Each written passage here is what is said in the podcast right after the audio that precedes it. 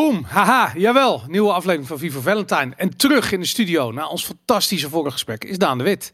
Welkom weer Dan. Ja, leuk. Ja, tof. Ja, we hadden uh, bewustzijn als wapen was uh, vorige keer uh, de insteek, waar de titel van het item is, mm. niet de insteek. En um, Ik heb het idee dat we een soort vogelvlucht hebben gedaan over het onderwerp. Dat idee had ik ook. En daarom vond ik het ook echt leuk dat je op een gegeven moment zei van uh, kom weer terug. Ja, want, want het leidde ook bij ons via Twitter en e-mails. Laten we dit en oh, dat hadden we eigenlijk moeten. En hier hadden we op in moeten gaan. En, en Um, dat zagen we ook terug bij de, bij de comments bijvoorbeeld. En ik zag het ook terug bij uh, e-mails die we gekregen hebben. En uh, Robert, die het item heeft zitten kijken in Mexico, die mm. zei ook van ja man, dat is vet en die insteek is goed. Dus ik denk dat, we, dat het niet meer dan logisch is dat we nu gewoon uh, bewustzijn als wapen deel 2 gaan opnemen. Um, eerste uur is natuurlijk zoals gebruikelijk gewoon hier op, op YouTube de première of gewoon als podcast. En dan gaan we daarna verder op vivavalentine.com. Maar laten we heel even bij het begin beginnen. Um, ik heb het. Um, um, ik, ik heb heel erg eigenlijk de afgelopen dagen zitten nadenken over van hoe gaan we de brug bouwen tussen het, de rationaliteit van, de, van vandaag de dag. Weet je, en ik bedoel niet alleen. Uh, zie je die rationaliteit terug bij mensen die denken dat ze de natuur kunnen uh, sturen of dat ze uh, her kunnen definiëren wat een mens is, of zelfs her kunnen definiëren wat de waarheid is, wat we nu veel zien gebeuren. Um, maar ik vind namelijk ook dat het um, uh, dat die, dat die, er zit een soort grenzen aan die, aan die rationaliteit. En jij hebt vorige keer heb je um, gezegd van ja, er zijn onze elite op dit ogenblik bestaan uit mensen met een hoog IQ en een laag bewustzijn.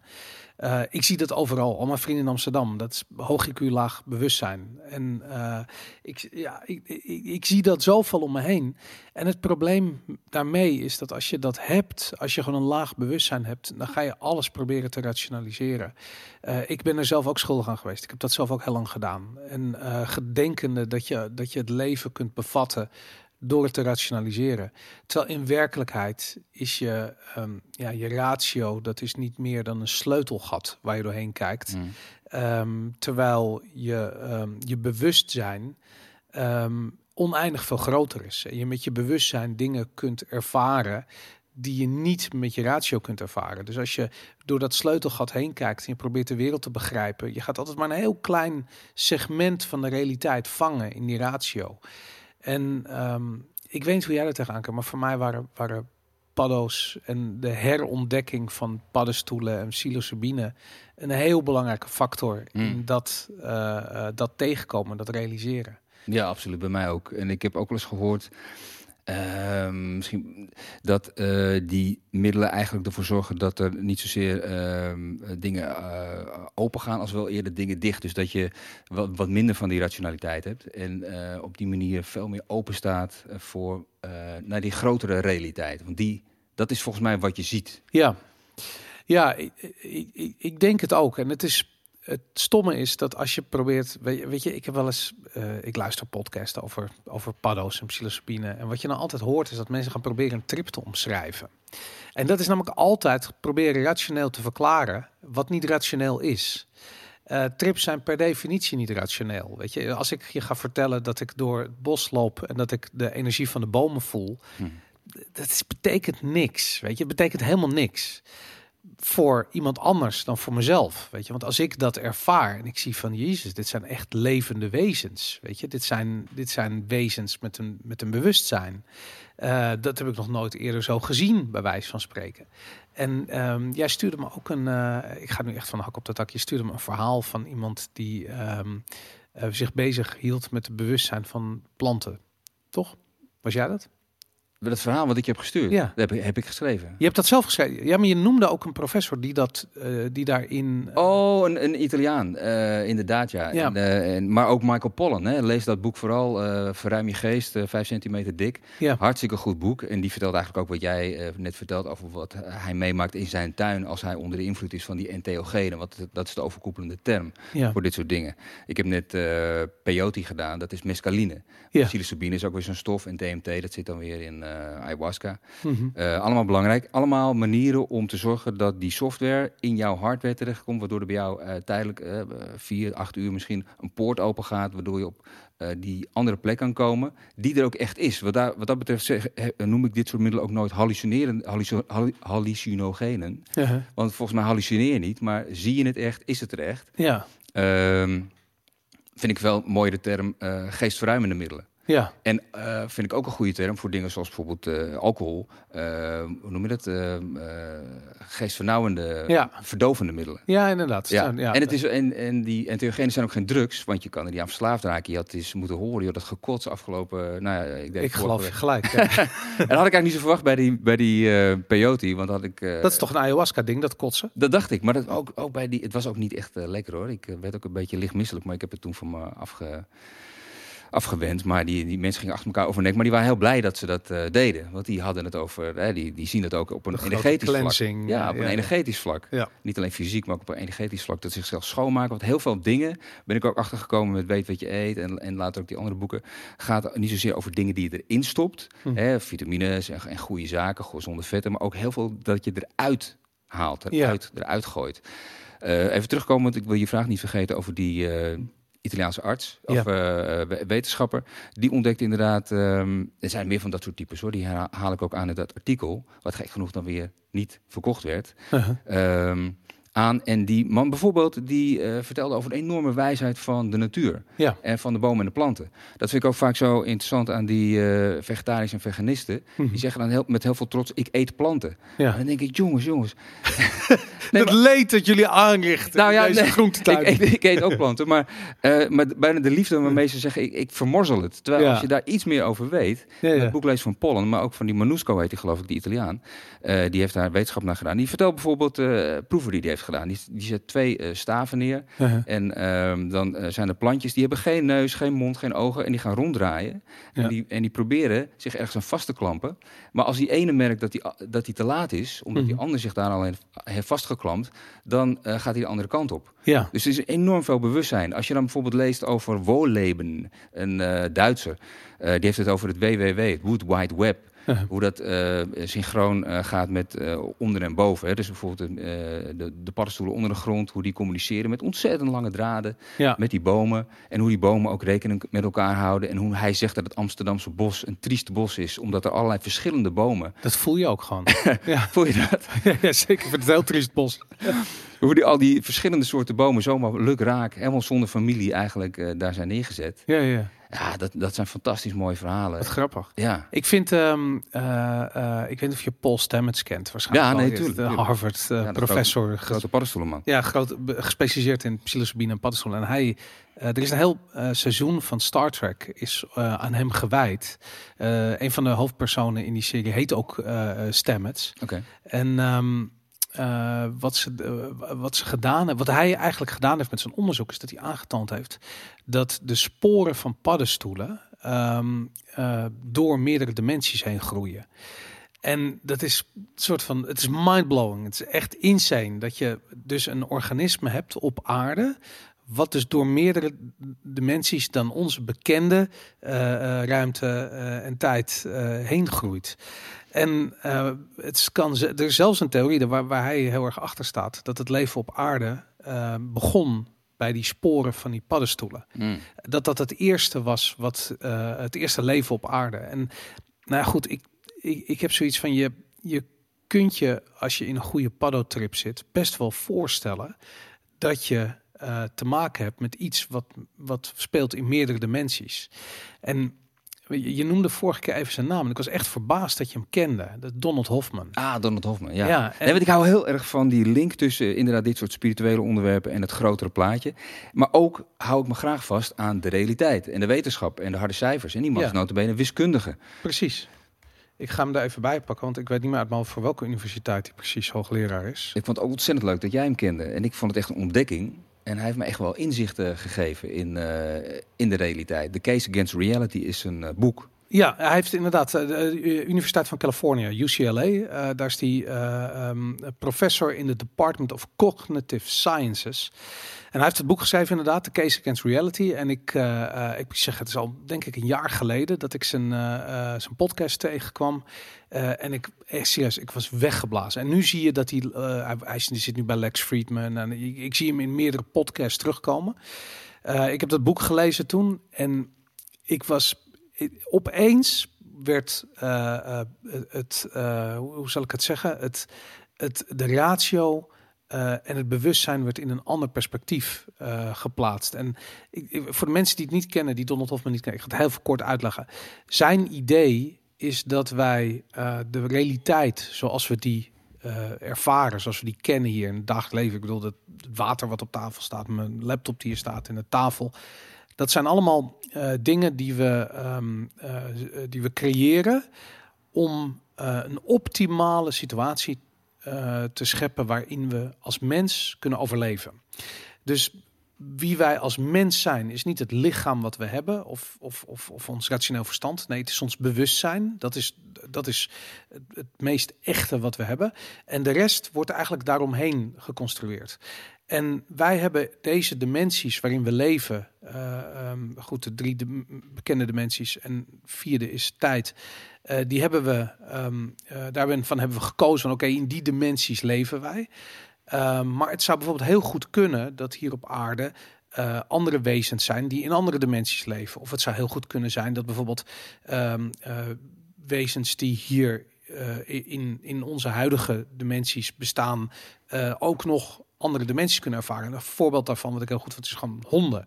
Honden hebben een neus die is 2500 keer gevoeliger dan die van de mens. Zij, je zou kunnen zeggen van zij kunnen dingen waarnemen die wij als mensen niet kunnen waarnemen.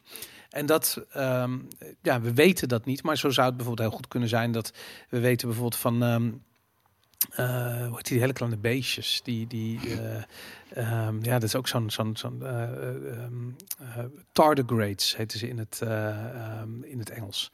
Nou goed, whatever. die kunnen dus ook, daarvan vermoeden ze ook dat die in meerdere dimensies bestaan. En dat, dat is ook weer zo'n ding van Paul Stamets. Maar goed, dat, dat, dat idee dus dat, we, dat alles wat we hier zien eigenlijk een soort van interpretatie is van de realiteit. Een soort creatie van een, van een veel grotere realiteit waarin wij als mensen leven.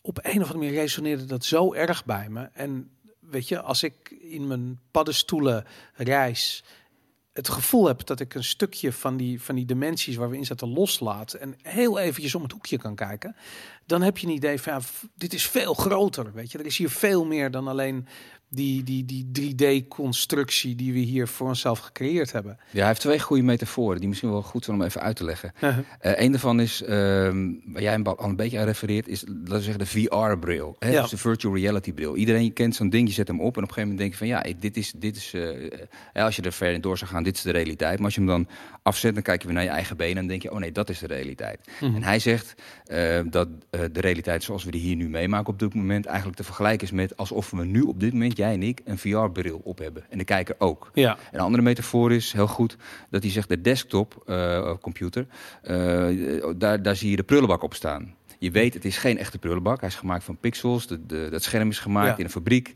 Uh, is ontworpen.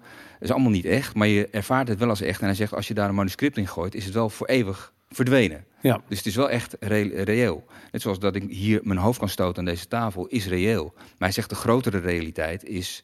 Uh, nou, dat, dat, is natuurlijk heel helder bij een computer en ook bij zo'n VR-bril. bril. Uh, en dat is dus wat je meemaakt met zo'n uh, ayahuasca-trip of zo'n peyote-trip. Tijdelijk heb je daar toegang toe. Ja. En dan zie je de grotere realiteit en dan kom je weer eigenlijk... Dan zie je de eentjes en de nulletjes. Bij wijze van spreken. Ja. Grappig genoeg, wat je zegt, het is allemaal niet zo rationeel. Uh, wat heel veel mensen waarnemen, heb ik ook zelf waargenomen, is dat daar ontzettend veel geometrische, haarscherpe patronen zijn te zien. Dus wat dat betreft, ik had altijd dit idee, God is een wiskundige. Uh -huh. uh, dat kreeg ik eigenlijk nog meer door dat soort uh, reizen te maken. Ja. Um, die, die enorme strakheid en ook de, ook de regels. En ook, ehm, ik had het vorige week even over de Little Book of Hercules. Ja. Het gaat de hele tijd ook over eh, eh, regels en eh, dingen die je moet doen en doorlopen, stadia die je moet doorlopen. En als je dat dan helemaal bent doorlopen, zoals Hercules eigenlijk, want dat, daar gaat het verhaal dan over, dat is een Hm. metafoor. Dan nog ben je echt helemaal nergens. Hij heeft het over een dent. Dan nog is er eigenlijk geen deuk in een pakje boter geslagen op je spirituele pad. Uh-huh. Ehm, dus wat dat betreft is het, zou je kunnen zeggen, niet rationeel. Mwah. Nou, ik vind dat wiskunde de taal van de natuur is. Dat, dat vind ik heel mooi. En dat eh, ehm, nog even terug naar Donald Hoffman. Want dat is inderdaad wat hij op een gegeven moment ook zegt. Ehm, hij heeft een soort. Hij, schetst eigenlijk een soort beeld van een. ehm, even kijken, hoe kan, je dat nou, kan je dat nou goed verwoorden? Hij schetst een soort beeld van een realiteit.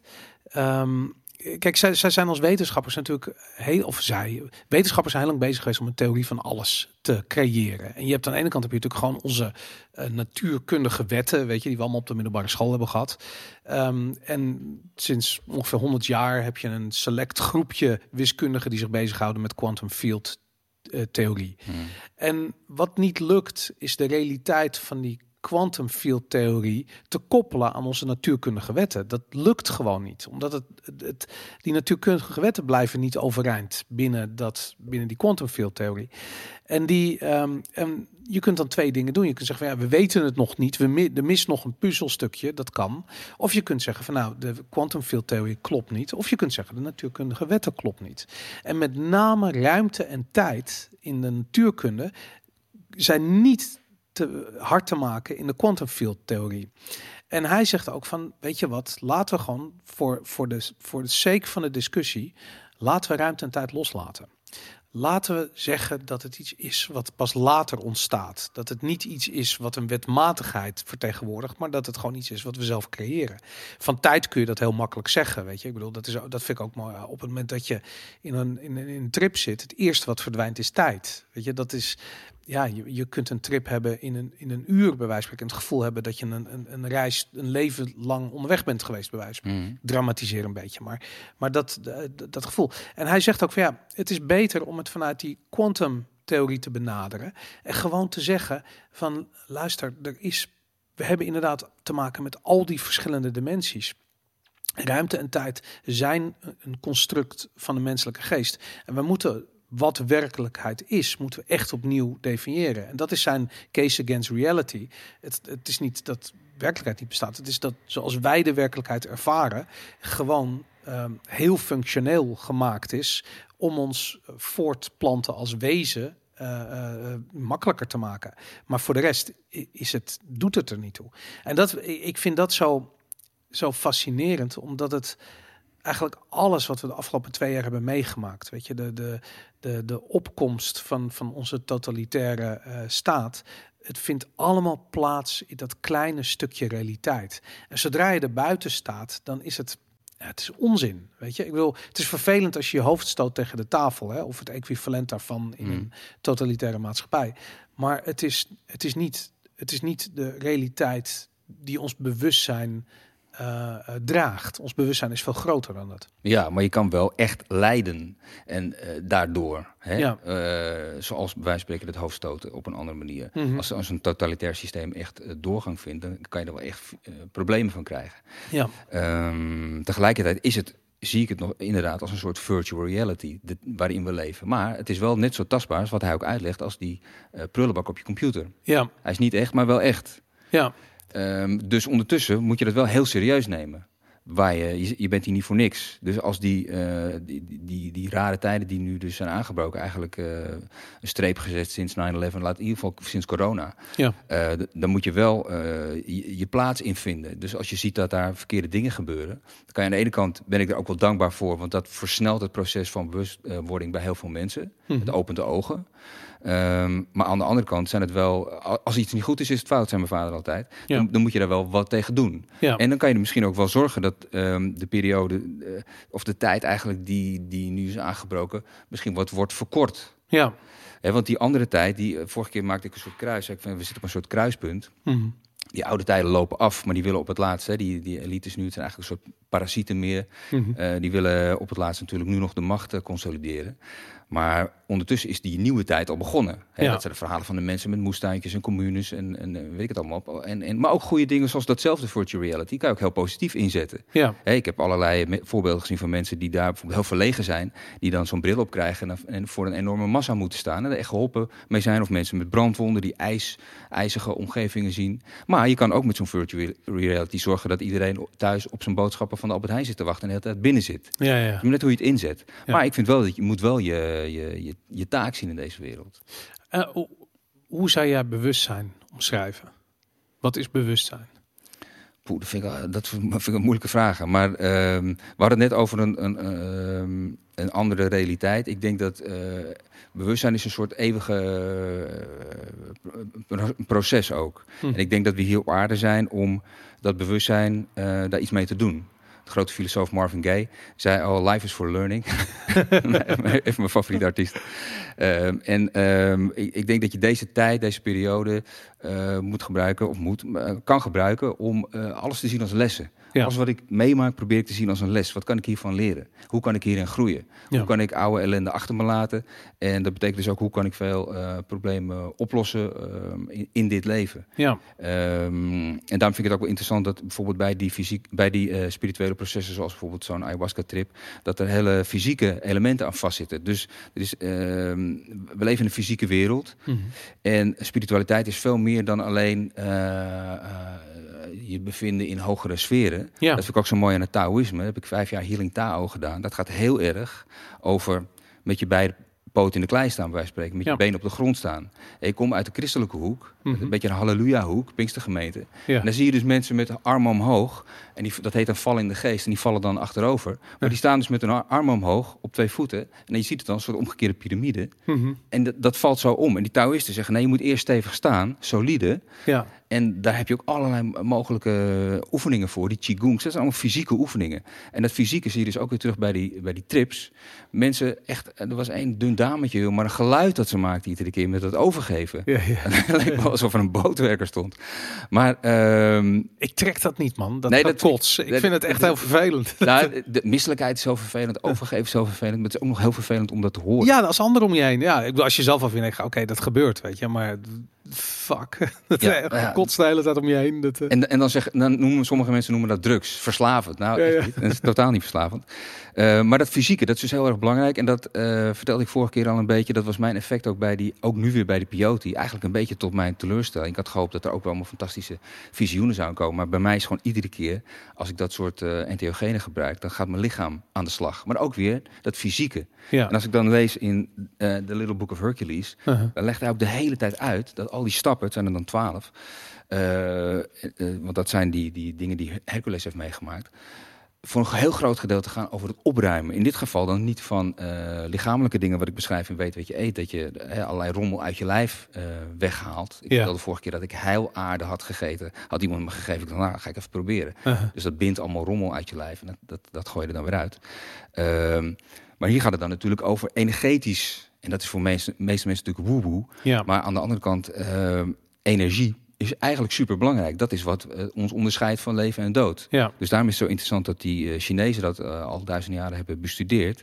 Daarom is het dus interessant dat hij het erover heeft. En dat hij zegt dat de waarheden die hierin staan sowieso gaan over alle tijden heen en door alle culturen heen. Dus wat dat betreft houdt, houdt hij zich ook niet vast aan christendom of Taoïsme of wat dan ook. Hij, Ja. hij beschrijft eigenlijk de onderliggende eh, universele waarheden. En dan komt hij er dus ook op uit dat hij zegt van nou, het is niet alleen belangrijk eh, om de dingen in te stoppen, maar vooral ook hele grote delen van het spirituele pad gaan over het schoonmaken. Het energetisch schoonmaken. Mhm. En dat is ook wat ik herken in de bewegingen die ik doe. Eh, dat gaat heel erg over. Hè, dat, dan ben ik. dan, gaan, dan gaan mijn lijf aan de slag en dan trek ik draden uit, uit mijn lijf, soms hele kabels. Eh, ik maak ook een soort overgeefachtige bewegingen soms. Iedere keer weet ik nooit wat gaat gebeuren, maar het gebeurt iedere keer van alles. Mhm. Maar het gaat dus ook, denk ik, over heel erg over schoonmaken en, ehm, en ook eh, verbindingen trekken in dat fysieke. Dus dat is die, eigenlijk die link tussen dat fysieke en dat eh, spirituele. Daar is echt een, een belangrijke link voor. Ja, Ja, ik vind het zo interessant omdat als je, ik, ik ken bijvoorbeeld veel mensen die zodra je, ehm, ik, ik, laat ik zo, ik ken mensen die dwepen ermee met spiritualiteit, en ik ken mensen die er echt niets van willen hebben, Ehm, en ehm, dan we- weet ik veel, dan roken we een joint en hebben het over aliens of een of andere koffieshop gesprek. En dan wordt het bij zelf, ja, en ik, de aliens dit, de aliens dat. En heb je gehoord toen en toen waren ze geland en bla bla. Terwijl ik zoiets heb van, ook dat is een vorm van spiritualiteit. Het zoeken naar een grotere betekenis, weet je. Een beetje buiten ons banale uh, bestaan stijgen en, en proberen uh, ja, een groter plaatje te vinden. Ik bedoel, de, ik vind dat zo interessant, ook omdat kijk, mensen zijn vandaag de dag niet echt godsdienstig meer. Weet je, ik bedoel, misschien, misschien in sommige gemeentes wel, weet je. En ik kan me ook voorstellen dat het gewoon voornamelijk de echt Hollanders, die, die, die hebben ja, die hebben godsdienst een beetje afgezworen. Weet je, dat, dat, die hebben dat opnieuw ingericht aan de hand van te, technocratie, bij wijze van spreken. Um, maar je mist daarbij ook de, de mogelijkheid om het binnen een, binnen een bepaald kader waarin iedereen uh, soort van zich thuis voelt, te praten over spiritualiteit. En dat, en ik bedoel, ik ben helemaal geen fan van gewoon standaard katholieke protestantse godsdiensten. Ik heb zoiets van ja, ook dat is gewoon heel erg banaal geworden op een gegeven moment. Maar het idee dat het in ieder geval een handreiking is naar iets wat, wat groter is, of je kan helpen om een soort van spiritueel pad uh, te vinden. Ik heb het idee dat mensen dat heel erg nodig hebben vandaag de dag en geen idee hebben waar ze moeten beginnen. Ja, en dat lees ik ook in uh, Desmet. En wat jij net beschreef leek een beetje op... Uh, je bracht het wat leuk als een soort van Hollandse nuchterheid. Maar het is ook, denk ik, dat je bewust... En dat kan ook wel goed zijn, hè, want uh, je kan het misschien niet altijd aan. Mm -hmm. bewust dingen niet wil zien. En ja. ik denk dat je wat je dan niet wil zien, is zijn grotere realiteiten. Maar wel realiteiten. Ja. En wat die Desmet beschrijft zo goed, is dat hij zegt van ja, waar het misging... is dat we die, hè, wat je beschrijft, eigenlijk een soort goddelijkheid, een soort spiritualiteit... dat we die dood hebben verklaard met de verlichting. God is dood. En wat je dan overhoudt is eigenlijk een soort angst voor wat er dan gaat komen. Want je kan, kan niet meer vertrouwen op God. Ja. Het is, dit is het. Ja. Dit ene leventje is het. Hè, wat Donald Hoffman beschrijft, die virtual reality is het dan. Ja. Dat is natuurlijk super dom om dat te denken. Ja, want maar, dan, dan, maar dan, voor je het weet ben je zelf het centrum van het universum. Maar dat heeft ook weer allerlei gevolgen. Ja. En dan kom je dus eh, misschien wel inderdaad op transhumanisme terecht. Eh, omdat je daarmee misschien een soort van eeuwig leven zelf kan gaan zitten creëren. Die transhumanisten willen ook uh, alles met de cloud verbinden. Terwijl je, als je ook maar één keer achter dat gordijn hebt gekeken met zo'n trip bij wijze van spreken. En die grotere realiteit ziet. Of hè, die, die VR-bril even afzetten en je ziet je benen weer. Dan denk je, oh ja, uh, dat is een veel grotere realiteit. En als je dat eenmaal gezien hebt dan, uh, dan kan je eigenlijk niet meer terug om te denken van nee, deze beperkte visie, dat is het dan. Ja. Dus daarom pleit die Desmet in feite ook voor een soort hergoddelijking, vergoddelijking weer van uh, de maatschappij. Uh, en, en, is het ook logisch en, en, snap je het ook beter dat mensen zo op drift raken en in dat transhumanisme en misschien ook wel transgender. Want dat is ook een vorm van eigenlijk het soort van verbeteren van de natuur. Ja. Of zeggen van de natuur heeft een fout gemaakt. En ook met cholesterolmythen en met, op allerlei manieren kom ik erachter. Nee, die natuur maakt helemaal geen uh, fouten, voornamelijk niet. Uh, wat je alleen maar kan doen is zorgen dat je de natuur zo goed helpt dat die fouten, die zogenaamde fouten, dat je dus ziek wordt, voorkomt. Of als je al ziek bent, dat je het ziekteproces deels weet terug te draaien. Zoals bijvoorbeeld uh, de voorbeelden zijn van groepen vrouwen die aderverkalking hadden, maar door voldoende vitamine K te nemen minder aderverkalking kregen. Dus dan draai je het ziekteproces om. Maar afremmen is ook al heel mooi. Mm. Um, ja, op die manier kijk ik er een beetje naar. Ja als je laat ik zeggen, wat, wat, ik, wat ik bij de Smet interessant vind, is dat hij, um, uh, je stuurde me een artikel door van uh, Stan Houke, volgens mij, Groene Amsterdammer heeft dat. Ja, de Groene, Groene Amsterdammer. Oh, het was van Groene. Ja, ja, hij, heeft, hij heeft gewoon gekopieerd. Ah, hij heeft het gekopieerd, oké. Okay. En dat, um, um, daarin zegt de Smet op een gegeven moment ook van, mensen zijn de vrijheid zat. En ik, ik, ik moest die zin echt drie keer lezen. Mm. Want ik had zoiets van, hij zegt van, ja, ik zie dat in mijn praktijk. Ik zie dat mensen het zat zijn. Weet je, en ik heb zoiets van, ik denk dat dat, dat argument gaat over je definitie van vrijheid. En ik denk dat veel mensen geen idee hebben wat dat is. Uh, dat is een van de redenen dat ik deze podcast uh, begonnen ben met Robert inderdaad. Omdat ik het idee heb dat mensen niet snappen wat vrijheid is. Mm. En wat je daar, uh, wat, wat ik, als ik dat zo lees, dan heb ik zoiets van, ja, ik kan me voorstellen dat mensen zijn gaan zweven. En zich niet meer thuis voelen in de maatschappij. En uh, um, dus met die beschrijft het gebrek aan zingeving. Weet je, mensen, mensen zijn onderlinge banden uh, kwijtgeraakt uh, en, en binden zich daarom aan het collectivisme en, en kijken niet meer naar elkaar. Nou goed, daar geeft een paar voorbeelden die echt te dramatisch voor woorden zijn. Maar je, je, je ziet daarin dat ik dat proces waarbij mensen zeggen dat ze de vrijheid zat zijn, is dat ze de leegheid zat zijn. Weet je, de, de, uh, de vrijheid die volgens mij de definitie van vrijheid die vandaag de dag veel gezien wordt, is van als ik maar, weet ik veel, 30 verschillende soorten uh, cornflakes kan kopen bij de, uit kan kiezen bij de Albert Heijn, weet je. Dat soort vrijheid, weet je. Het is allemaal geen vrijheid. Maar, het is wel logisch dat je daar uitkomt als je denkt dat die virtual reality, dat dat de werkelijkheid is, want die is maar zo beperkt. Ja. Wat heb je hier nou... Uh, aan, aan zingeving. Ja. als je dus inderdaad met de verlichting zegt: God is dood, wat hou, wat hou je dan nog over? Dan hou je niet veel over. En dan kom je inderdaad op die plekken terecht van, van die cornflakes, maar ook op de transhumanisme terecht. En dan kom je dus ook bij die doodsangst terecht. En dan kom je ook terecht bij, uh, wat zijn nou als eerste de, dat je was opgevallen in het artikel? Um, dat mensen, uh, oh ja, die, niet om konden gaan met die vrijheid. Ja, dat ze dat zat zijn. Dat zijn letterlijk de woorden die dus met zei dat hij dat in zijn praktijk tegenkwam. Dat mensen dat zeiden. Ja, maar ik, ik kan me ook voorstellen dat dat te maken heeft met um, uh, dat, je, dat je leiding zoekt als je als, als dat goddelijke eruit is gehaald. Ja. Dat je dan, dat is ook dat free floating van die, van die anxiety.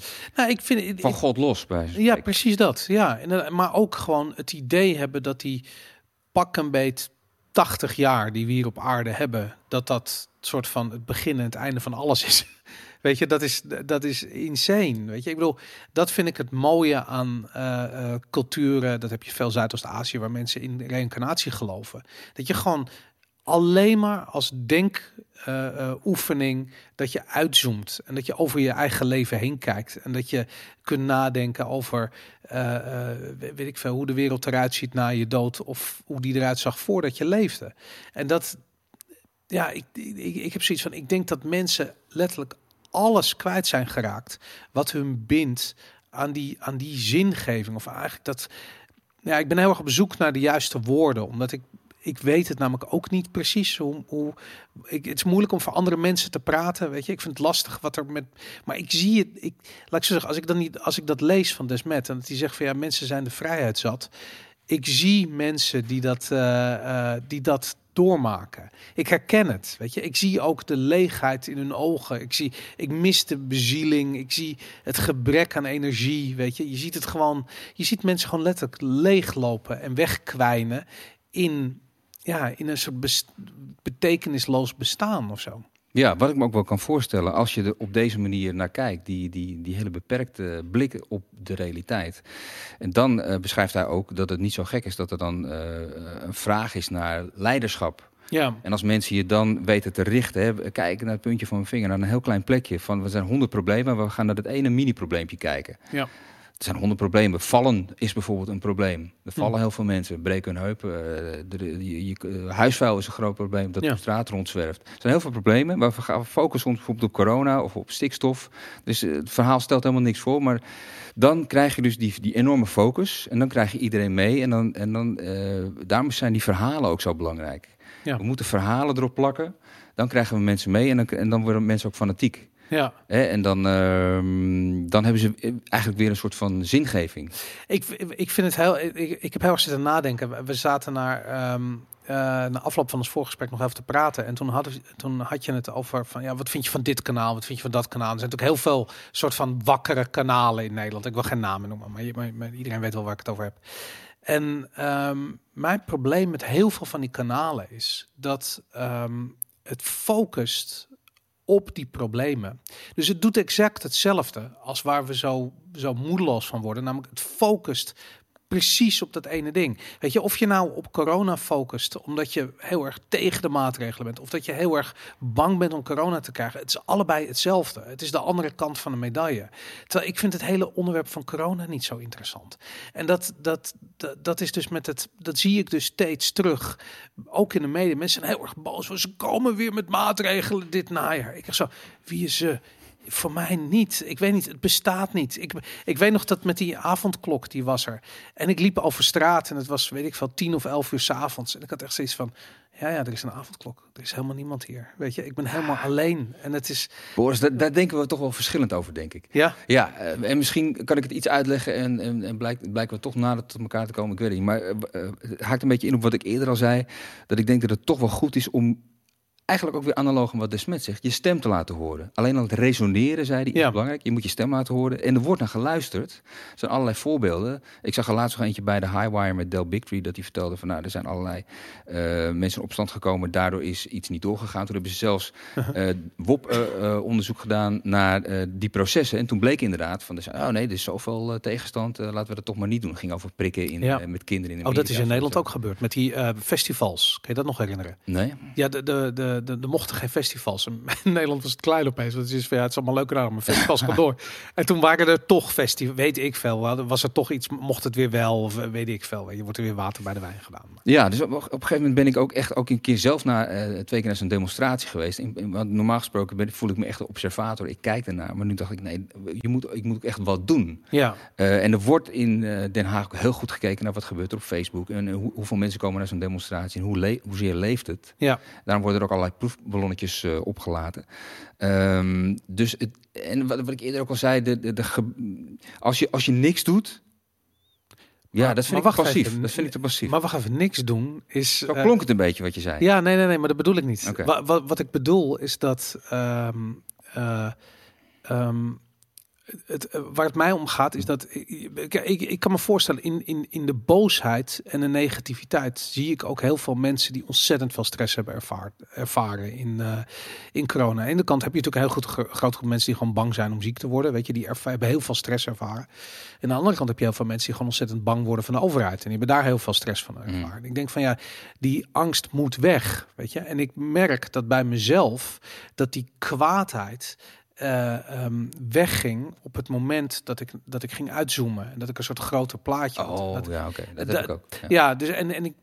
Maar ik denk dat het, eh, eh, ik denk dat heel veel mensen daarmee struggelen. En dat van, vandaar ook dat ik dat geef van je bewustzijn als wapen zo mooi vind. Omdat als je weet, laat ik zo zeggen, als je luistert naar je bewustzijn en, en eventjes in het midden gelaten wat dat precies is, maar, maar la- laten we het daar misschien straks over hebben. Maar als je daadwerkelijk geaard bent en gegrond bent en weet wie je bent, dan weet je ook dat wat er, ehm, wat er om je heen gebeurt op juistheid te, in te schatten. En het bizarre is, de realisatie die ik op een gegeven moment had, is dat ik steeds het idee had van ja, we, leven in zo'n zo'n zo'n zo'n zo'n hyper-rationele wereld, weet je, waar alles, weet je, een virus moet begrepen worden, Mm. er moet in kaart worden ge- geïsoleerd worden en dan kunnen we een, een, een vaccin en de wetenschap over, overwint altijd en bla bla bla, weet je, en, en de realiteit is echt een soort van de nachtmerrie van, van bijwerking en ellende, maar, maar in ieder geval dat, dat idee, ehm, daarbij, ik, ik, ik, laat ik zo zeggen, ik merk gewoon als je dat, ehm, als je uitzoomt en je kunt dat op een of andere manier ehm, op, op waarde inschatten, dan, dan zie je gewoon, van, het is helemaal niet rationeel. Dus je kunt misschien wel zeggen van ja, de wetenschap moet overwinnen en dit virus klein krijgen, weet ik wat. Maar dat is niet rationeel. Het werkelijke rationele eh, eh, eh, ding zou zijn. En dat is veel meer dat Taoïsme. Dat is dat van je oordeelt niet precies over wat er nu gebeurt, omdat je het niet kunt overzien totdat je het alle informatie hebt om het wel te overzien. Dat is eigenlijk een soort van de enige. Je hebt toch dat, dat, dat voorbeeld van die, van die zo'n zo'n oud Chinees verhaal. En dat is van een boer en die. ehm, die wint een paard op een dag. Of weet, weet ik of zijn zoon krijgt een paard. Weet ik wel. En iedereen komt langs. Wauw, wat heb jij geluk. Weet je, dat je dat, je dat paard hebt eh, eh, gekregen of gewonnen. En hij zegt van ja, we, we zullen zien. Weet je. En dat, eh, zijn zoon rijdt op dat paard. Die valt vanaf, breekt zijn arm. En iedereen komt langs. Oh, wat een pech heb jij. Weet je, dat je zoon van het paard is afgevallen. Hij zei ja, we zullen zien. En dan komt eh, eh, weet ik veel, een of andere recruteringsambtenaar van het leger langs. En alle jonge mannen moeten mee in het leger. En omdat zijn zoon zijn arm heeft gebroken, hoeft hij niet mee naar het leger. En dan zegt hij van, wat een mazzel heb je, dat, je dat, dat hij zijn arm net gebroken had. Hij van, ja, we zullen zien. Weet je? En, en ik denk dat dat eigenlijk de enige rationele insteek is. Van je, je kunt het niet helemaal eh, overzien totdat je even afwacht en kijkt wat er nog meer allemaal gebeurt. En dat, ik weet niet, maar dat zit ook nu, weet je, dat te veel inzoomen op maatregel dit, maatregel dat, en het najaar dit, en besmettingscijfers en weet ik veel wat. Wat iedereen aan het doen is, ongeacht of ze nou aan de ene kant van de Mm. andere kant van het debat staan. Maar al die dingen zijn niet rationeel. En ik, ik heb gewoon zoiets van, ja, ik, het enige wat je kunt doen is, is uitzoomen en proberen eh, te aarden en daar een rationaliteit in te vinden, om, om- of een bril mee te vinden waarmee je rationeel naar al die ontwikkelingen kunt kijken. Oké, ik denk als je dat dan doet, dat uitzoomen en op die manier ernaar kijken, dan, dan moet je vervolgens, nou moet, dan, dan kan je vervolgens iets doen. Ja. Eh, en dan, heb je, dan komt het ook veel minder persoonlijk eh, binnen. Mhm. Kan je veel meer eh, met een afstandje naar kijken. En dan denk ik is het goed om licht te schijnen op die duisternis. Want we hebben het hier over duisternis. Volgens mij hebben we het nu over wat hier gebeurt in deze tijd, in deze periode, deze tijdspannen. Over een soort van ja, bijna fysieke manifestatie, aardse manifestatie van een, een, een spirituele strijd die nu gaande is. Mhm. en, er- en er zijn allerlei duistere krachten nu aan de gang. En die elites daarbinnen, daar is denk ik wel sprake van een hoog bewustzijn, maar van een verkeerde soort. Ja. Dus daar is sprake van een hoog IQ en een hoog bewustzijn, maar van een heel duister hoog bewustzijn. Dat kan denk ik ook nog. En ik denk dat het goed is om daar licht op te laten schijnen. Ehm, maar dan moet je me net interessant vinden. Ik kom uit de journalistiek, ik vind dat interessant. Dus als Mhm. Blackbox mij daarvoor vraagt, dan, dan, dan doe ik dat. Mhm. Ehm, maar ik kan me ook voorstellen dat er mensen zijn die zeggen... ja, alles wat je voedt, dat groeit, et cetera. Eh, dat snap ik wel, maar het, het eh, gevolg daarvan is dus dat je je terugtrekt uit de wereld. Of dat je in Nederland zou zeggen van ik ga... Ik zat gisteren nog met iemand te spreken erover. Die zei van ja, ik, wil wel, ik heb wel interesse om naar het buitenland te gaan. Eh, en toen dacht ik van ja, dan onttrek je je eigenlijk eh, aan je verantwoordelijkheid. Mhm. Ja. Ehm, je- het is ook mooi om hier te blijven en eh, je punt te maken. Ja. Dus het licht laten schijnen op de duisternis. Ja, ja. Hoe, hoe doe je dat dan zonder meegevoerd te worden in die negativiteit? In die spiraal van negativiteit waar je in terechtkomt? Het is heel, heel, heel belangrijk dat je, dat je inderdaad niet een soort van emotioneel betrokken raakt. Oké, maar hoe, de- de- hoe doe je dat? Ik bedoel, dat, dat kan ik namelijk niet eens. Weet je, ik bedoel, dat, eh, hoe doe je dat? Nou, ik voel me dus wel heel erg betrokken bij de wereld. Want ik Ja. steek eigenlijk al mijn tijd in het proberen de wereld iets mooier te, te maken dan die was. En in dat proces ook mezelf te upgraden, bij wijze van spreken. Maar je moet daar inderdaad niet, toch ook weer niet eh, te boos in worden. Maar wel weer gemotiveerd. Ja, het is eh, en betrokken. Maar dat, je weet pas dat je te boos bent geworden op het moment dat je te boos bent geworden en merkt van oké, nu slaap ik niet lekker meer, nu heb ik ervaar ik stress. Hoe krijg ik dat weer weg? Nee, goed, dan moet je weer ergens die balans zien te vinden. Ja. Ehm, ik zie nu een maatschappij die uit balans is, die gewoon boos is. Of van de wat ik zei, over de ene kant van het of de andere. Ik bedoel, we zijn zo gepolariseerd. Weet je, er is. Maar die mensen zitten denk ik ook in het begin van het proces. Eh, van waar we het vorige keer over hadden, dat je, dat je naar de staat kijkt of naar de, naar de, naar de maatschappij als papa en mama eh, zorgen voor je. Ja, Want dat ben je gewend ja, vanuit je jeugd. En in één keer blijkt dat die pap, zogenaamde papa en mama, vadertje staat eigenlijk, zich tegen je keert. ja, eh, en een gevaar voor je vormt. ja, En eh, zelfs en ook alle eh, bijna metaforische eh, feiten erbij, erbij trekt. Het gaat allemaal over oorlog. Hè? Dus het leger wordt ingezet tegen de bevolking via het LIMC. ja. Er zijn 17.000 tasers uitgedeeld. Er roepen mensen om meer wapens naar Oekraïne. Dat zijn gewoon burgers die daar om vragen. En, en, en ministers die daar met een, met een gebalde vuist daar tweets over rond. Ja, ja. Nee, maar het gaat, het gaat dus ook echt in die lijn verder van oorlog en dood en verderf. En er is nu ook door die elites een enorme drang en, en eh, interesse in de donkerte en de duisternis. Bijvoorbeeld van de herfst en de winter. Ja, Omdat dan alles weer kan, door kan gaan. En het gaat allemaal over beperkingen. Dus, dus er zijn echt duistere eh, krachten aan de gang. En, Mm. ehm, en, en wat kan je er tegen doen? ja. Maar, maar nog even terug naar de vraag van, van hoe ga je zelf, eh, laat ik zo zeggen, ik bedoel, je, dat gegeven van, van verander jezelf, je verandert de wereld. Ehm, hoe ga je zelf, hoe vind je zelf een evenwicht? Ik bedoel, kijk, ik, ik kan me voorstellen, je hebt een heel groot voordeel gehad. Je hebt natuurlijk, ehm, eh, eh, eh, hoe heet het, dossier Mexicaanse griep geschreven. En toen corona, de corona business... Ben ik er toch in getrapt? Nou ja, nee, maar ik wel. hoezo? Nou, ik ben, in die eerste paar weken ben ik er wel ingetrapt Ja, in verhaal. ja, ik, Ja. Ik, ik ook hoor. Ik moet zeggen, Oh, toen- oh, jij ook? ja, nee, ah, toen, toen we de beelden zagen uit China met die, met die trucks met, met, met gas, had ik van, en mensen die dood neervielen. Ik dacht, wat de fuck gebeurt hier? Ah. Ik wist 100% zeker dat dat ook hier zou komen. En ja, dat dat ach- achteraf gewoon bullshit was, van A tot Z. Nou ja, goed, dat- ja, weet je, dat is niet het eerste wat je denkt. Want waarom zou China in godsnaam zijn eigen economie op slot gooien? Wat is daar aan de hand? Weet je, ik bedoel, het duurt even voordat je eh, snapt wat daar, eh, wat voor nut eh, ze daarbij hebben. Ehm, Maar goed, weet je, nog even terug naar die, naar die, naar die, ehm, dat, dat, hoe noem je dat? dat? Dat je gewoon gezond blijft, Ja. ook van geest, Nou ja. in een wereld die alleen maar door emotie uit elkaar getrokken wordt. En eh, ik ben het met je eens, er zijn mensen die het, de, de, de, het narratief die kant op sturen en die hebben daar een agenda bij. En, maar goed, het gaat alle kanten op. Maar het wordt uit, de samenleving wordt uit elkaar getrokken. De banden tussen mensen onderling wordt uit elkaar getrokken. Wat Desmet ook zegt, mensen vervangen hun, de banden die ze met andere mensen hebben met, of de liefde die ze voor andere mensen voelen, met de liefde die ze voor het collectief voelen. Ehm, briljante observatie, vind ik echt geniaal. Volgens mij heeft hij dat ook niet eh, zelf. eh, Zijn hele boek zit vol met briljante eh, Ja, het is echt- het is echt Lees het boek. Ja, maar het is ook eh Hannah Arendt die dat volgens mij al in de jaren 50 gezegd heeft. En ik denk dat ik blijf het knap vinden als mensen overeind weten te blijven binnen. Want laat ik zeggen, ik ken mensen die overeind zijn gebleven en die weg zijn gelopen van de hele discussie. Maar ik ken weinig mensen die er middenin zitten. En dat ben je als journalist. Dan ben je daarmee bezig. En dan ben je bezig met, met, met, met schrijven over maatregelen en, en vrijheid. En, en wat gebeurt hier nou weer? En dat proberen dat te duiden. Ehm, en jezelf daar niet in te verliezen. Ik vind dat echt heel knap.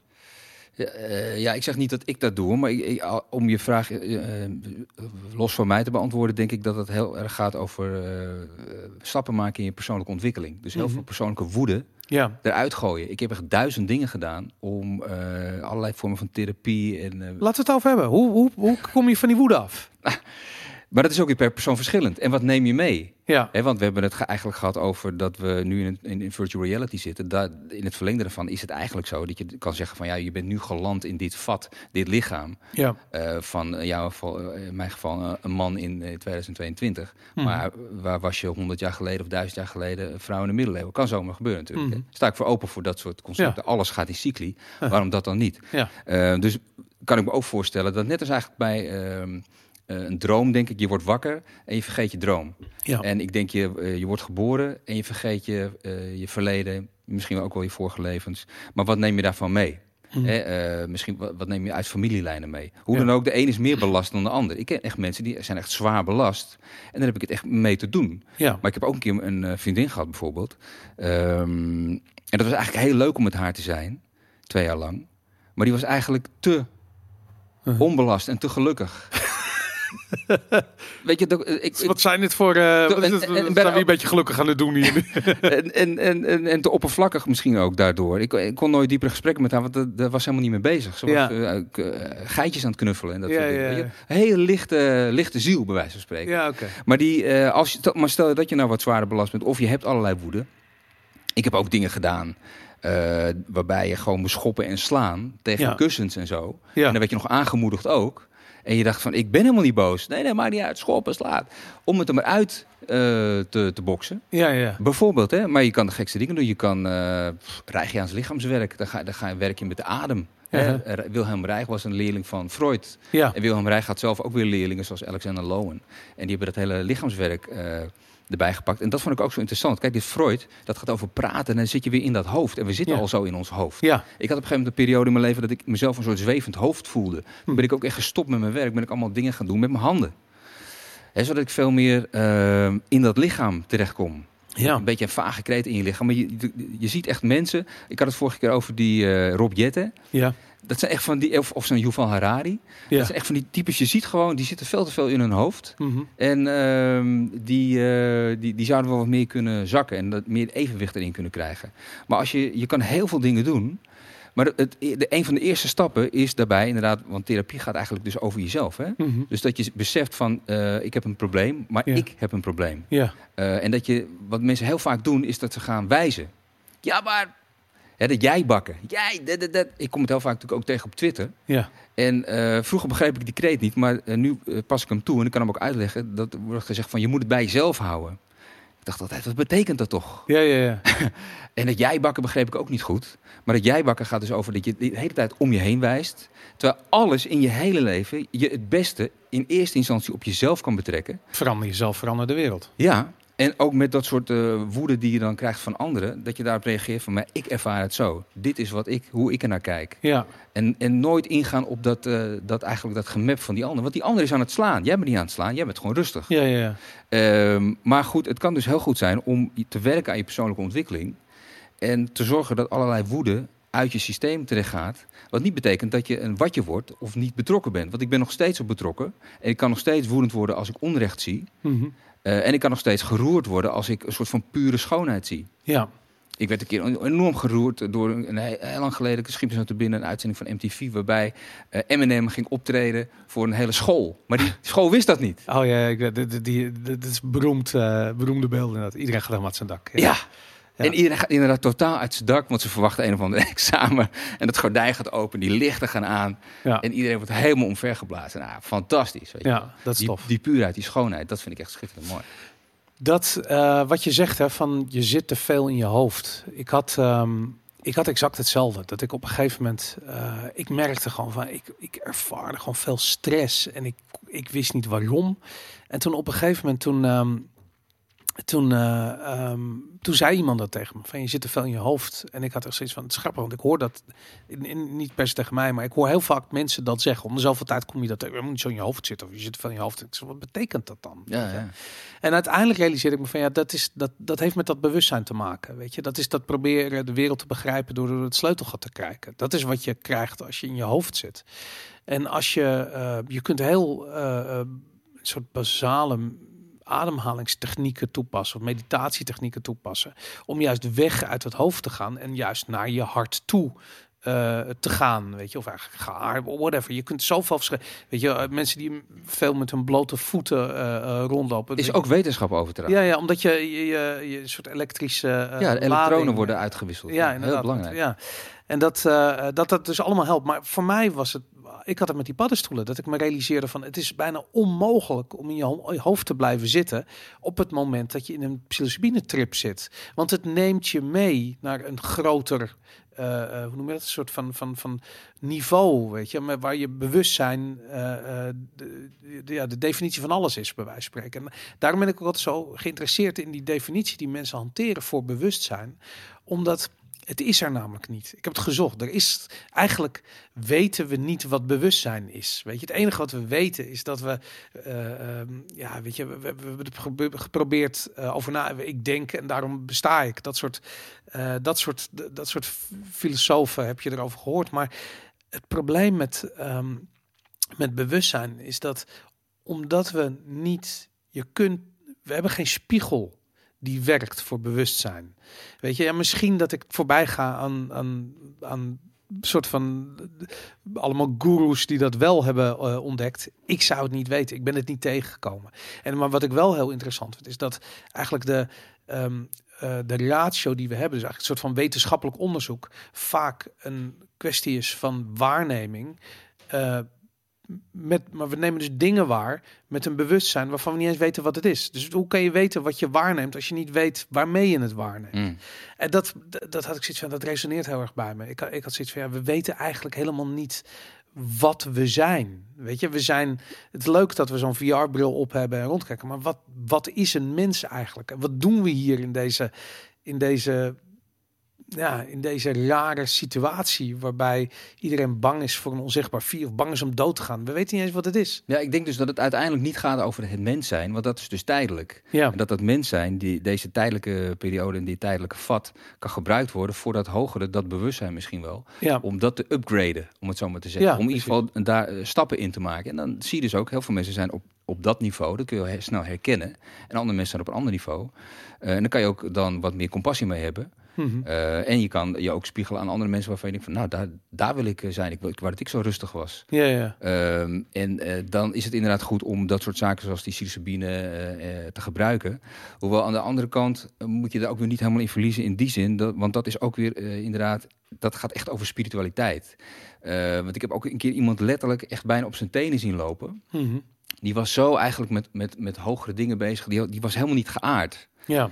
En ik vind het altijd lekkerder als ik een, een shamaan zie of, of iemand die met spiritualiteit bezig is, die ook echt eh, aan het tuinieren is. Of met, eh, gewoon letterlijk met zijn poot in de klei staat. Of in ieder geval aardse dingen doet. Ja. Of met zijn handen bezig is. Of ehm, Ja. ik, ik sprak laatst iemand die, die was therapeut, maar die was ook ondertussen heel veel aan het sleutelen aan zijn auto. En ik van ja, dat zijn goede tekenen. Ja. Mensen alleen maar aan het, bijna wegzweven, dat je ze nog net kan pakken bij wijze van spreken. Dat is ook niet goed. Ja. Nou is het natuurlijk zo, als je nu naar de maatschappij kijkt, zeker als je kijkt naar de grote steden, eh, eh, mensen die hun carrière beginnen, 9 van de 10 keer zitten die gewoon de hele dag achter een computer. En die zitten gewoon te kijken naar dat scherm en dat is waar je werkende leven zich plaatsvindt. Het is natuurlijk ook logisch dat iedereen in zijn hoofd zit. Denk je dat die twee dingen met elkaar te maken hebben? In de zin van dat we niet eh, in zo'n krankzinnige situatie terecht waren gekomen als we niet allemaal zo betoverd waren door dat scherm. Eh, ja, ja, ja, dat denk ik wel, ja. Ehm, ja. Ja, we nee, we- de- de- de- en, eh, niet alleen dat scherm met het werken, maar het is ook eh, dat je dus helemaal verliest in dat werken. Dus dan verlies je eigenlijk in die neprealiteit van de, de realiteit die we nu meemaken. Ja. Dan ben je alleen maar bezig met dat kleine korte stukje hier als mens op aarde. Mhm. En dan heb je te weinig connectie met eh, die grotere realiteit. Ja. En dan ga je op een gegeven moment denken van ja, ik heb een dure auto gekocht, ik heb een huis, ik heb een vrouw, ik heb een kind. Wat nu? Ja.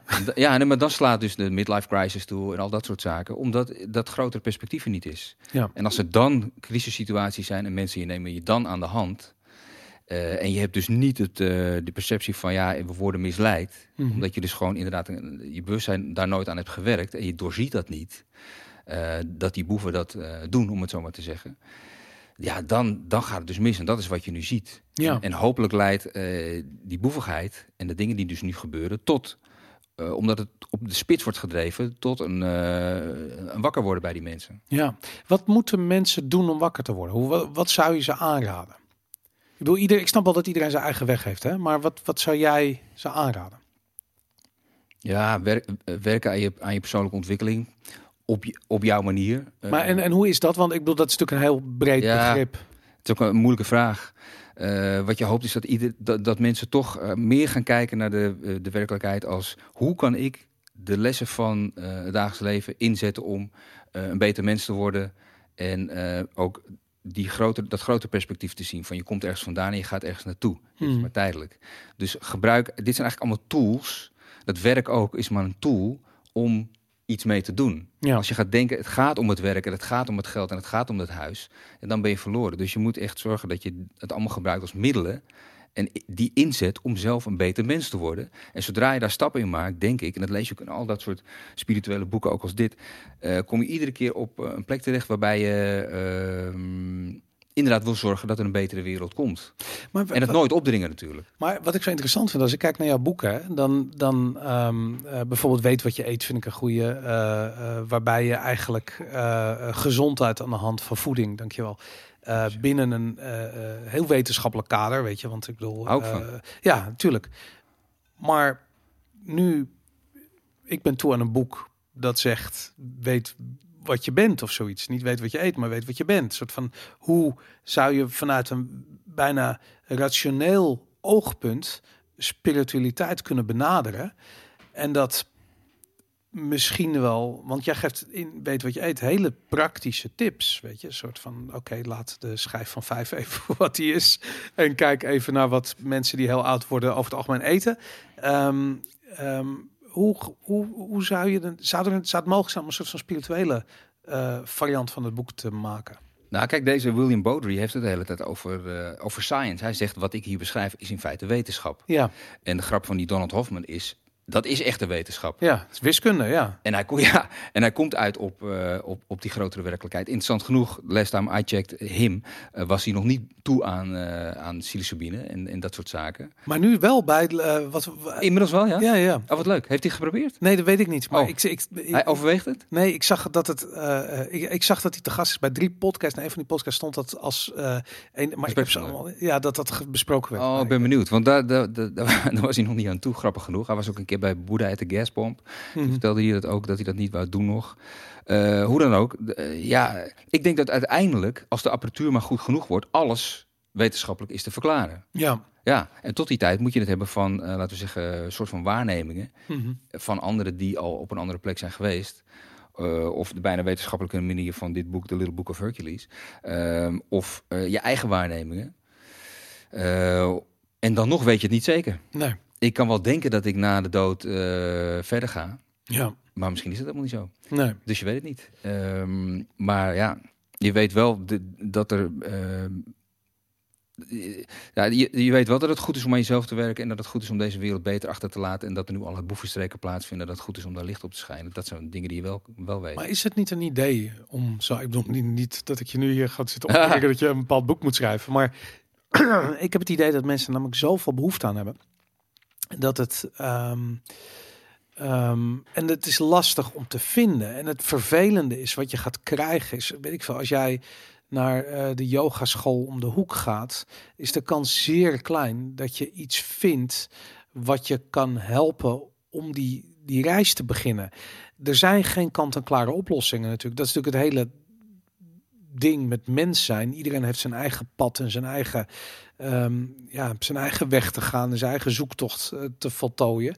Maar dat wil niet zeggen dat je niet een soort van iedereen, mensen weten van zichzelf wel of ze moeten gaan, of ze een soort van de paddo's moeten gaan gebruiken, of de ayahuasca's, of dat ze yoga moeten doen, of meditatie, of dat ze weet, weet ik veel wat je nog meer allemaal hebt. Maar iedereen heeft wel een idee van wat er allemaal is. Maar het is allemaal, als ik kijk naar, ehm, naar, naar wat die wat er uit die verschillende hoeken komt, zijn het altijd totaaloplossingen.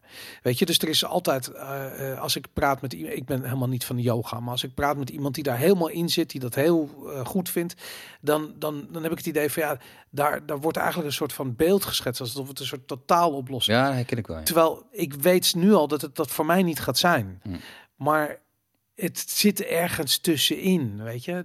Ja, ik geloof niet in. Ja, ik weet, ik heb nog nooit gezien dat zoiets. ehm, dat, dat zoiets totaal werkt. Laat ik, ik heb ooit één keer iemand ontmoet waarbij ik het idee had dat hij heel erg eh, gegrond was en heel erg eh, wijs was in zijn bescheidenheid, als het ware. En dat was, eh, wa- wa- was iemand die heel erg van boeddhisme was en meditatie en dat soort dingen. Ehm, maar die, dat, was, dat was niet meer dan een tool, weet je. Het was niet anders dan een fiets waarop je bij wijze van spreken hier naartoe bent gefietst. Ik zeg Mm. maar wat, weet je. Het was gewoon een, een middel om ergens te komen. Het was, niet een, het, wa, het was niet een doel op zich. En wat jij omschrijft van eh, mensen die eh, als doel hebben van een huis en een auto en een, een 2,6 kinderen, we- we- weet ik veel, whatever, weet je. En die hebben dat dan allemaal gedaan en zijn ze 45 en dan zijn, komen ze achter eigenlijk dooddepressief zijn omdat ze nooit naar zichzelf hebben gekeken.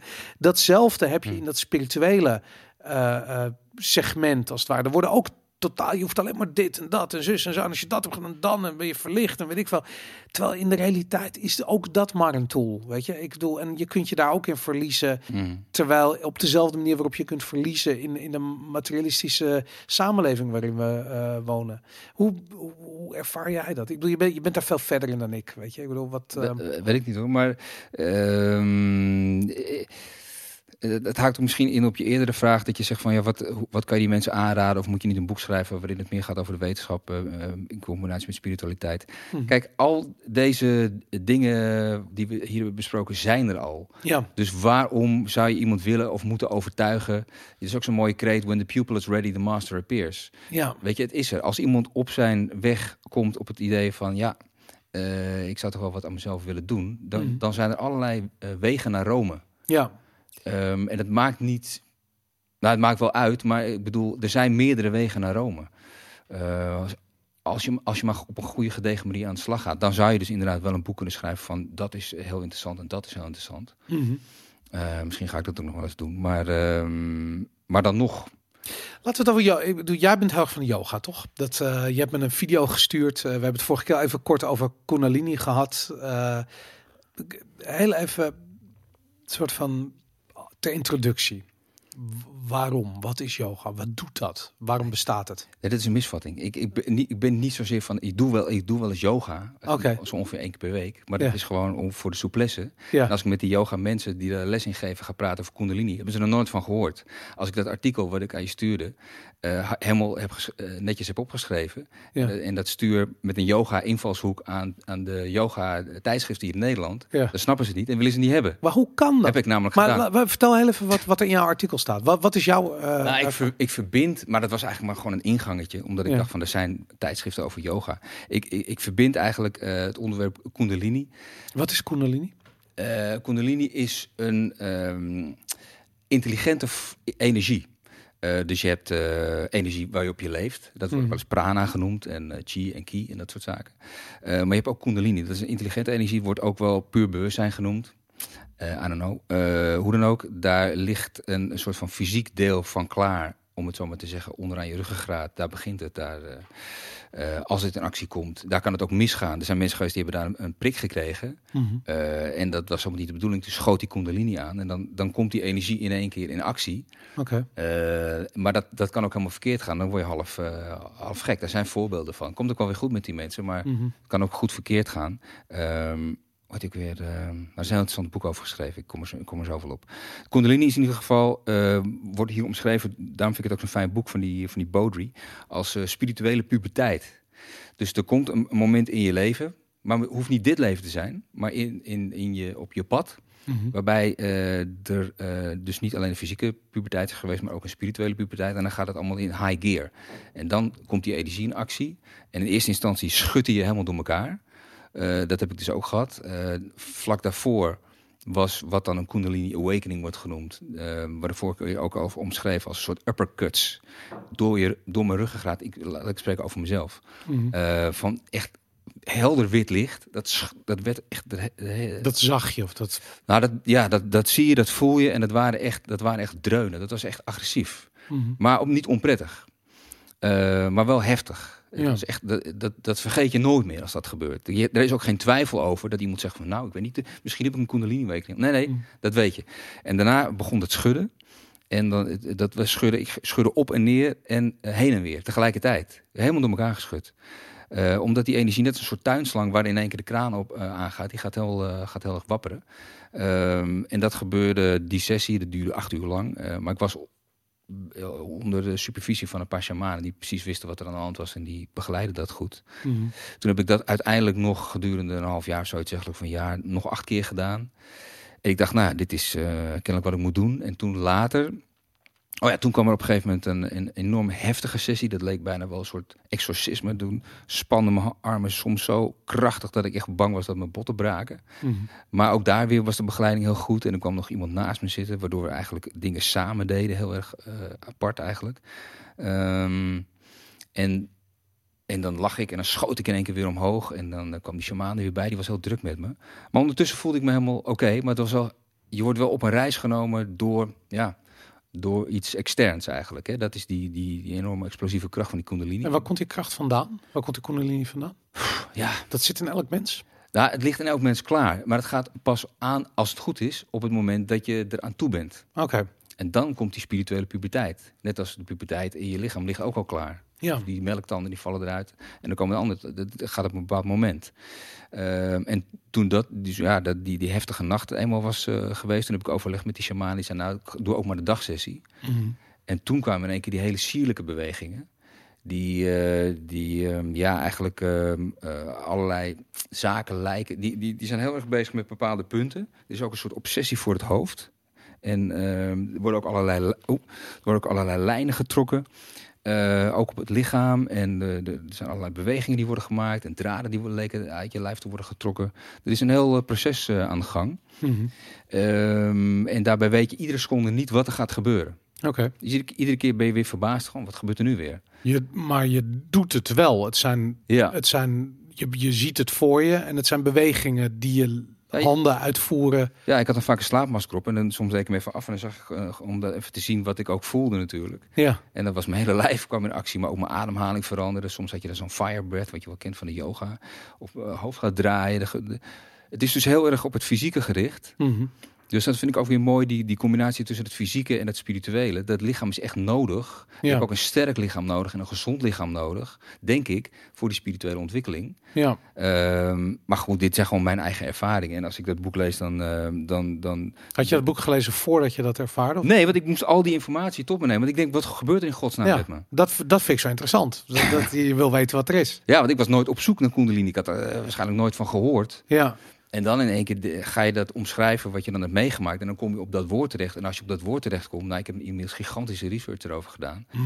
Eh, dan, dan lees je daar heel veel over. Dan ga ik ook op zoek naar mensen die dat ook hebben meegemaakt. Niet heel makkelijk om te vinden, Ja. overigens. Is dat raar dat, dat, dat er zo weinig mensen zijn die daar... Nou, dat is ook wel een reden dat ik er nu over spreek. Want ik denk dat ook heel veel... Het is zo intiem eigenlijk. En die bewegingen zijn ook zo sierlijk. Dat wil je stoere man eh, natuurlijk niet eh, nee, ermee naar buiten treden. Dat moest dus ook eigenlijk toen met die peyote eh, Uh-huh. van, een paar, van een week geleden. Dat, normaal gesproken met die ayahuasca ligt, ligt iedereen. En dan hebben ze een slaapmasker op en dan kan je doen, gekke dingen doen. Maar hier zat iedereen. En iedereen was gewoon met, met vuur in het midden helder. Dus ik, dat voelde ja, toch wel moeilijk. Uh-huh. Omdat het zo sierlijk ook is. Ja, Ehm, maar, maar dat neemt je eigenlijk over. En het enige wat je kan doen is eh, toelaten en zorgen dat je niet eh, erin gaat interfereren. Dus dat je niet zelf wat gaat doen. Heel soms heb en ik dat wat, wel eens wat is het doel daarvan? Want ik, Ik denk als ik dit ook boek ook lees en wat ik ook voel, Ja, is dat het heel erg veel gaat in deze fase. Ik doe het nu sinds eh, nu zeven jaar. Ik, Ja. Vanochtend had ik sessie eh, 1352 maal 50 minuten. uh-huh. Als je dat uitrekent zit je geloof ik op eh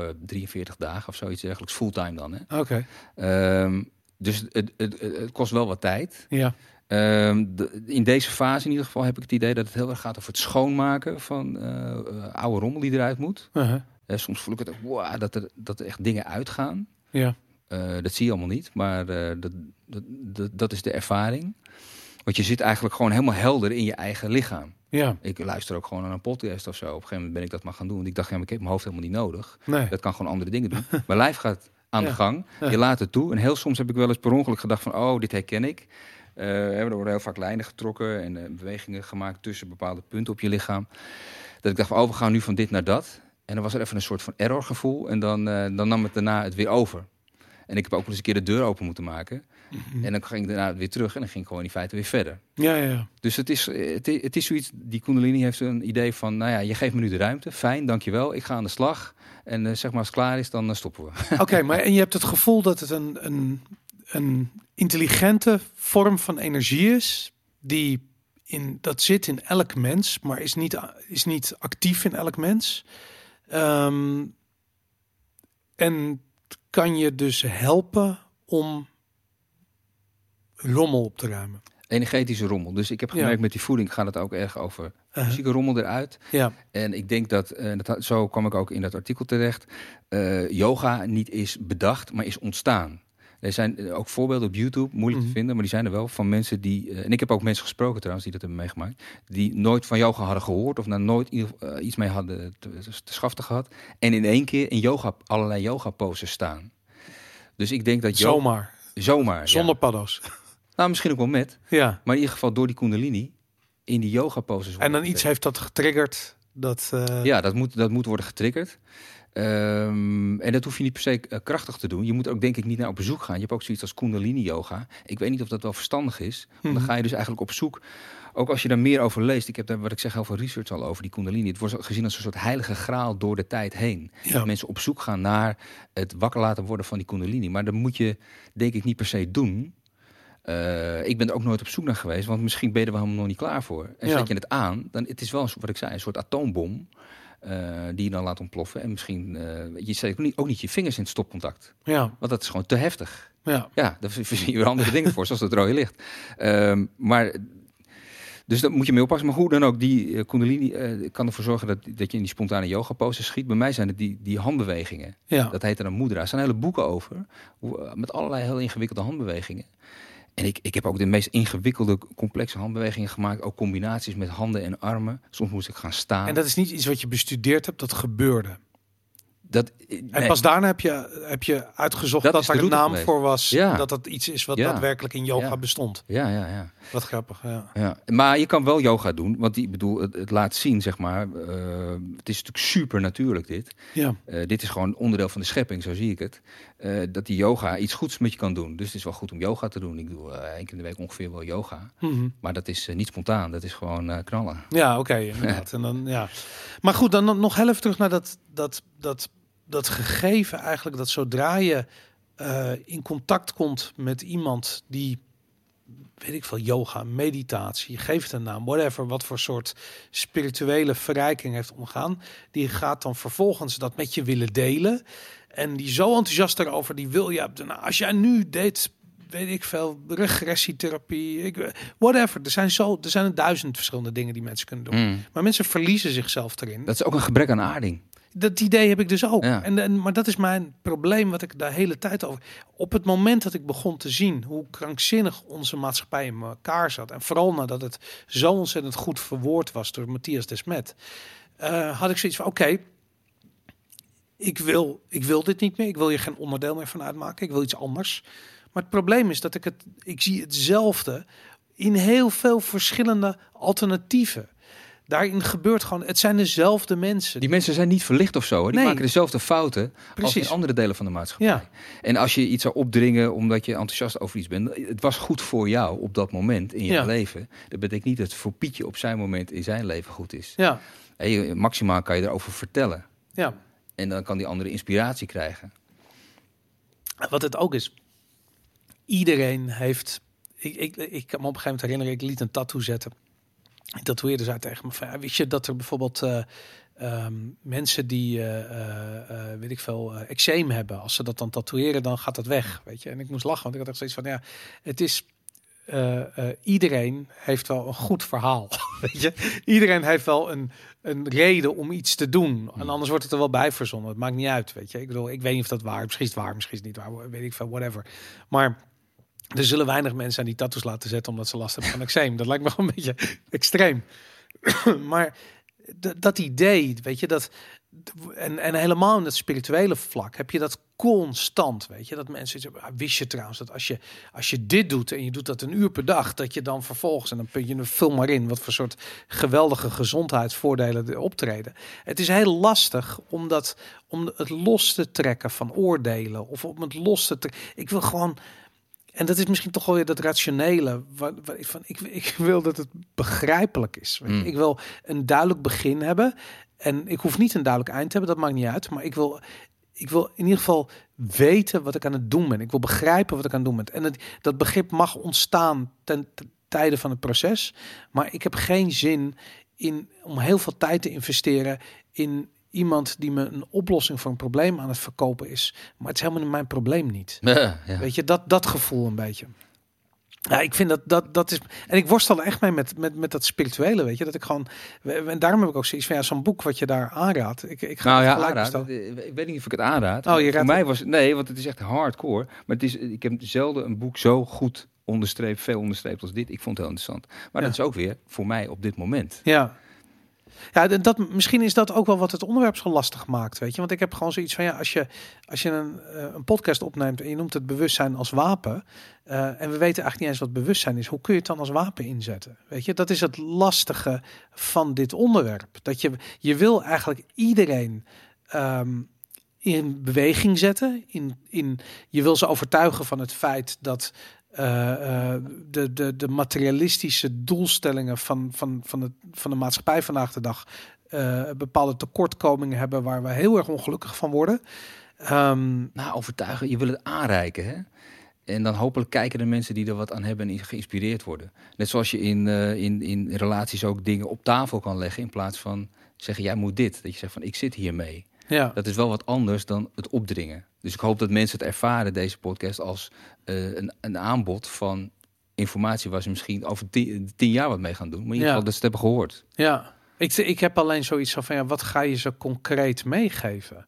Los van dat ze eh, wat ze los moeten laten is duidelijk, weet je. Ik bedoel, de angst en de, en de woede en de, ehm, het in hun hoofd zitten. Misschien Eh, het perspectief meegeven. Van je kan afstand nemen en het is, het kan, eh, dan kan je met een afstandje kijken en het, het grotere geheel zien. Toen je me uitnodigde voor die voor vorige keer, toen riep je ook, we moeten het hebben over het grotere plaatje. Nou, Ja, dat is wat je misschien mensen een beetje kan aanbieden. ja, ja, ja. ja. Zo kijken wij ook naar podcasts in de hoop dat wij iets rijker worden. Ja, Dat wij eh, ook weer het, een, een groter deel van het grotere plaatje zien. ja. Ja, ik vind toch, ik, ik blijf dat, eh, eh, dat, dat bewustzijn eh, verhaal wel interessant. Laten we, ehm, eh, laten we zo, wij gaan zo nog even verder praten. Ik zie dat we gewoon een uur en 18 minuten bezig zijn. Bizar. Time vol zaten we echt drie kwartier of zo. Maar goed, ehm, ehm, wij gaan nog even doorpraten op ehm eh, vivovalentine.com. Check dat. Eh, voor nu, Daan, dat vorige keer, ik weet niet of we dat genoeg gedaan hebben, uitgelegd hoe mensen jou kunnen volgen en bereiken. Je zit veel op Twitter. Ik zit wel op Twitter, gewoon onder mijn eigen naam, Daan de Wit. En je Ja. had de link onder de video gedaan. Eh, ja, En dat is andermens.nl. En dan eh, kun je ook heel makkelijk bij mijn nieuwsbrief komen. Dan ben je altijd alles eh, op de hoogte als eerste van alles. ja, vet. Dat, ik, ik realiseerde me ook, ik, kreeg jou, meer- ik had me ingeschreven voor je nieuwsbrief. En de eerste brief die ik kreeg, die ging over eh, Wim Tilburgs. En ik realiseerde Oké. me opeens, Jezus, Daan heeft me toen geïntroduceerd bij Wim Tilburgs. En die man heeft letterlijk mijn leven veranderd. Maar goed, daar gaan we het misschien straks nog eventjes over hebben. Ehm, dit was Vivo Valentine. Eh dankjewel voor het kijken. Eh, wij gaan nu door op vivovalentine.com bij deze extra aflevering met Daan de Wit. Bewust zijn als wapen deel 2. En eh, thanks.